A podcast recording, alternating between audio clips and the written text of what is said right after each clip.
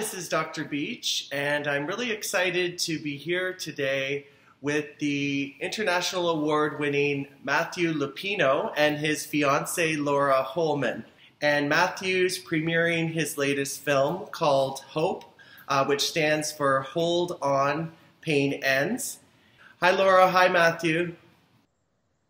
Hello. Hi, how you doing, Dr. Beach? Why don't you start by telling me what inspired you to produce the film and why you chose the title Hope? It started where I was I was going through a lot at the time, and uh, Laura actually we were in bed, and she just um, kind of looked at me and said, "I wish you could see yourself through my eyes," and that that kind of resonated with me. Being the idea of, of maybe having um, a suicide victim and and seeing their their perspective and also seeing maybe a loved one's perspective.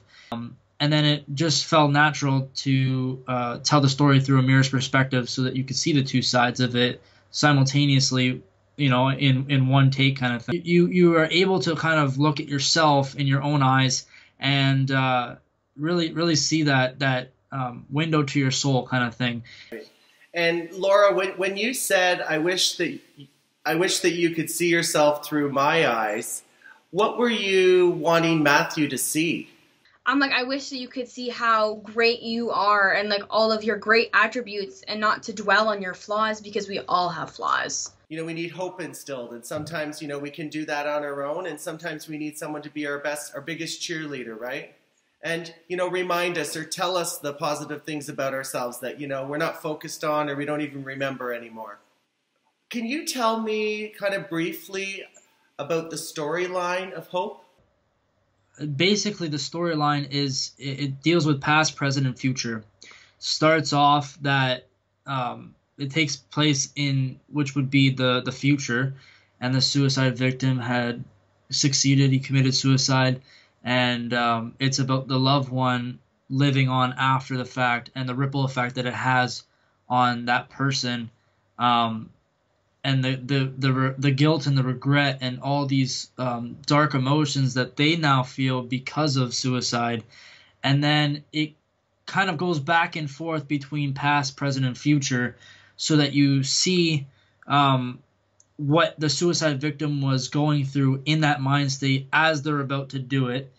And then towards the end of the film it basically wraps it all up that it's all really in his head and it becomes then present moment when he's about to do it and all these thoughts are going on in his head. So it's almost like saying if you're about to commit suicide that you're when you're in that state of mind if you could see hope if you could see another side um, that all these little conversations could happen in your head and if you could just find something to live for. How long was it from when you first started to struggle in high school until you made it some active efforts to um, get some help? Uh, in high school, you, you know, you fit in with these people, and then they change, and then you, you change, and you're going from friend to friend to friend, and all along the way, you're supposed to figure out what you're you're supposed to do with your life and your future, and you change so much throughout high school that by the time you hit grade 12, you kind of don't know who you are. My emotional level and um, who I who I wanted to be they, they were two different things. So I recognized all these signs, but I, I didn't do anything with them. And I didn't believe in, in doctors. No disrespect to you. I just I didn't at that time I didn't believe in in uh, the health industry in itself. I didn't understand medicine. I didn't understand doctors. I, I just felt that if I have a problem, I can fix it. But sometimes it's not the the the fact that you can fix it. It's just the fact that um, there is a chemical imbalance. It's scientific, and you have to just be vulnerable and let yourself um, just say, okay, I can I can accept the fact that I need help.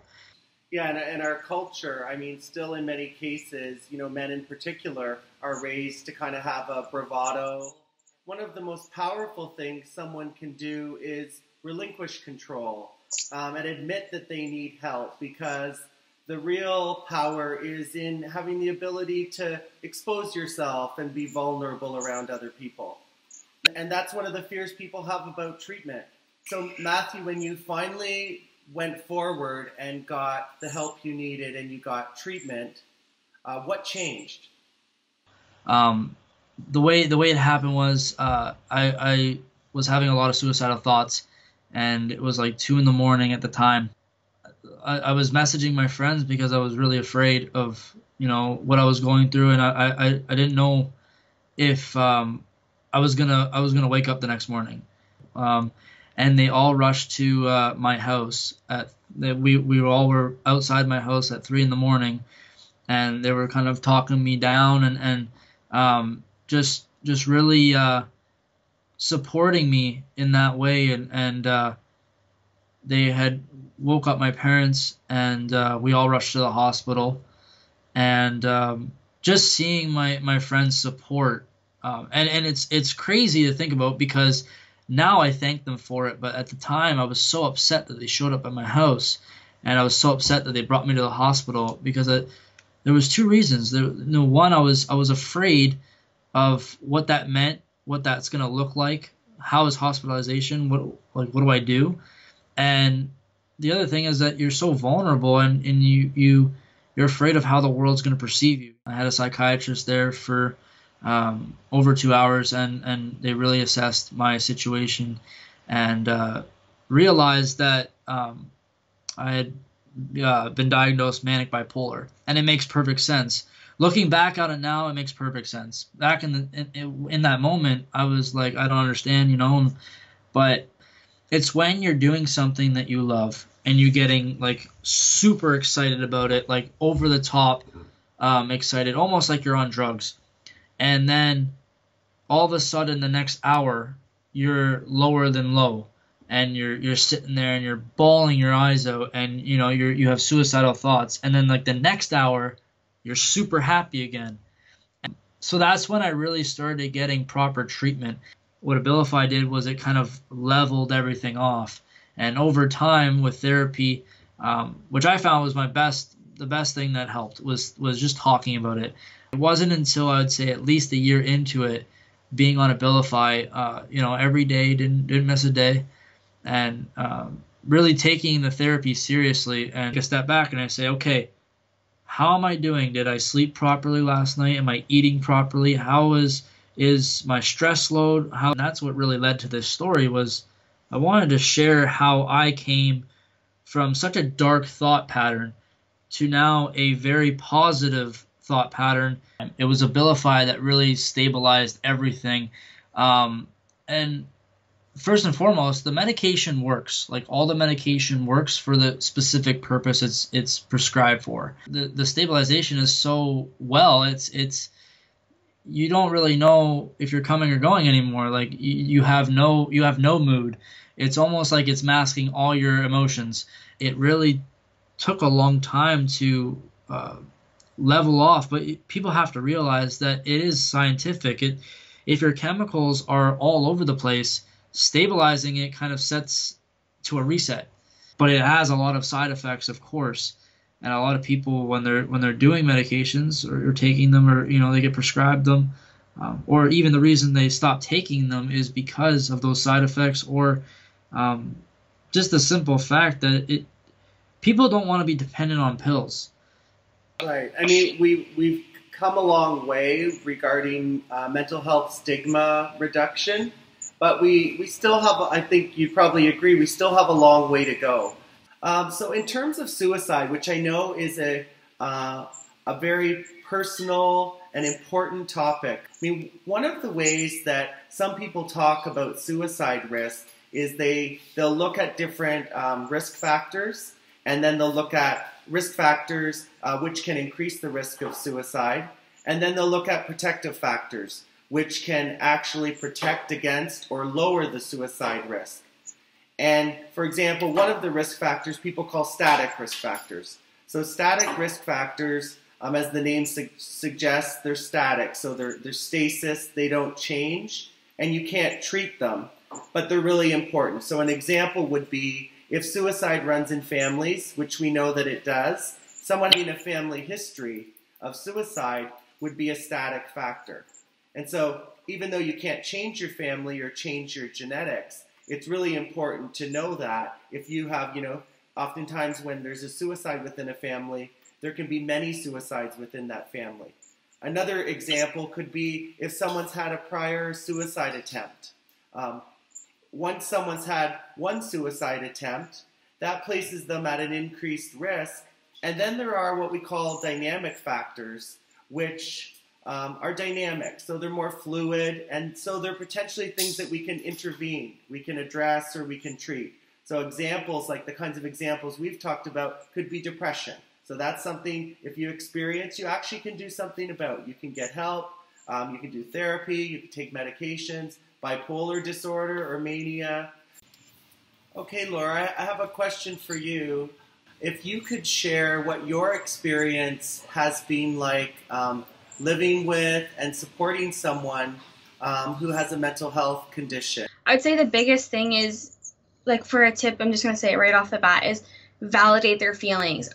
Let them know that their feelings are normal and that they're okay to feel um, stressed, high anxiety. Like, these are normal things. It's how we act on those. You need to let them, let, like, I've had personal, um, when Matt gets really worked up, whether it be work or comp- the film stuff, like he gets he comes to me and he's like he's like I, I can't figure it out. Like I'm just so stressed and and I'm like okay, take a minute, like breathe. I'm like what's got you so stressed?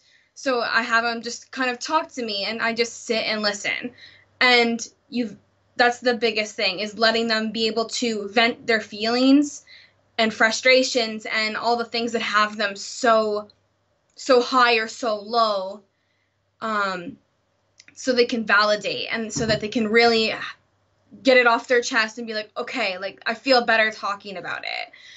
Um, i agree with you at the crux of supporting someone is having them know and feel that you're they're there you're there for them. And you don't you don't have to pretend for me or feel something that you don't feel. I love for for me i love matthew no matter who he is which side of his personality is coming out at that time it doesn't matter but because I, I I know that he, even when he is in those moments and he might say hurtful things and he might lash out that I know it's just in the frustrations of everything that he doesn't know how to cope with what's going on. I got a good one. That's uh, that's what I'm thinking. I, I I no honestly I, I'm so lucky to have her in my life and just in my corner. Um, I can't even tell you how many times I've had to lean on her, and she she is hope. Like this film is her. Like the essence of the film is her. Like everything about what the film is is is Laura, and and what she makes me feel is what I'm really tr- trying to portray in this film, and, and the essence of hope and finding hope. I want to thank you so much for speaking with me um, today. Yeah, thank you so much for having us, Dr. Yes, Beach. Definitely. This is wonderful.